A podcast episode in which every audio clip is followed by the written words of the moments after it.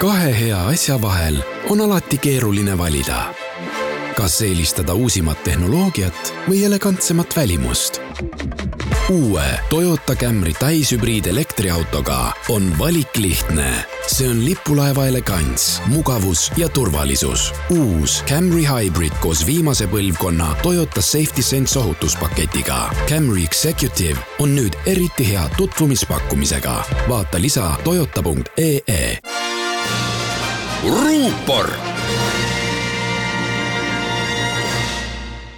tere mina olen ajakirjanik Ainar Ruussaar. Ameerika president Joe Biden alustas oma esimest ametlikku visiiti Euroopasse, seades selle külaskäigu eesmärgiks taastada Atlandi ookeani ülesed suhted, mis eelmise presidendi Donald Trumpi ametiajal aeg-ajalt pingeliseks muutusid. Biden alustas kohtumist Inglismaa peaministriga, ta kohtub maailma juhtivate tööstusriikide, Euroopa Liidu ja NATO juhtidega mis aga selle visiidi puhul paelub avalikkuse kõige suuremat huvi, on Ameerika liidri järgmiseks kesknädalaks kavandatud kohtumine Venemaa liidri Vladimir Putiniga.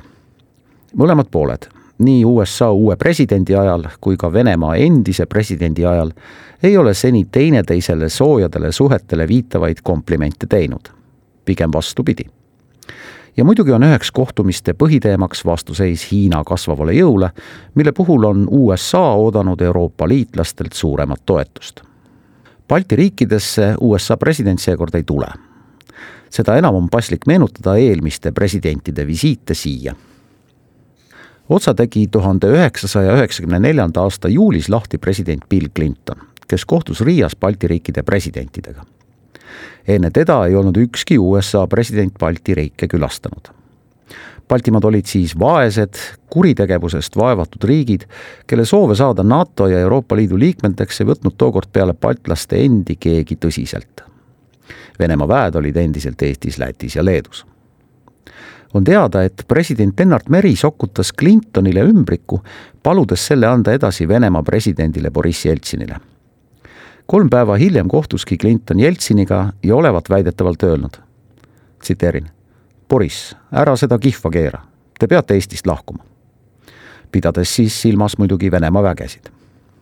Clinton siiski käis ka hiljem korra Tallinnas kahe tuhande teise aasta juunis ja siis juba endise riigipeana ühel konverentsil esinemas kahe tuhande kuuenda aasta pimedal novembri õhtul maandus Tallinna lennujaamas president George Bushi lendavaks valgeks majaks kutsutud ametilennuk. Bush oli president, kellele meeldis Euroopasse tulles käia NATO ja Euroopa Liidu uutes liikmesmaades. tookord pidas Ameerika korraga kolme sõda Afganistanis, Iraagis ja sõda terrorismiga ning Eesti oli USA tunnustatud liitlane eelkõige kahes esimeses sõjas sellel visiidil tegi Bush avalduse, mis saigi tuntuks Tallinna avaldusena. nimelt lubas Ameerika riigipea viisavabadust Euroopa Liidu uutele liikmetele.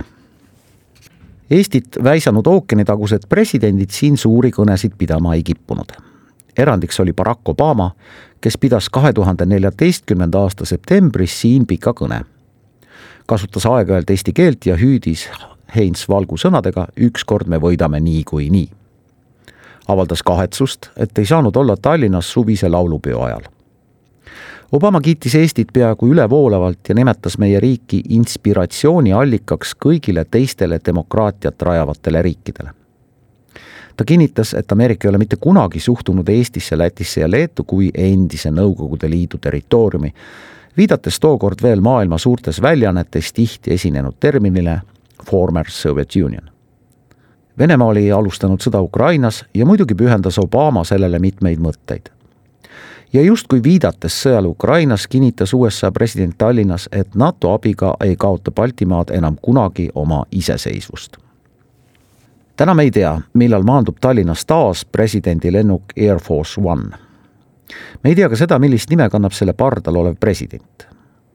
me oleme väljunud Afganistanist, kuhu me president Bushi liitlastena läksime meie suhted Venemaaga on küll teistsugused kui Clintoni ja Jeltsini kohtumise ajal tuhande üheksasaja üheksakümne neljandal aastal, aga mitte oluliselt selgepiirilisemad ja paremad.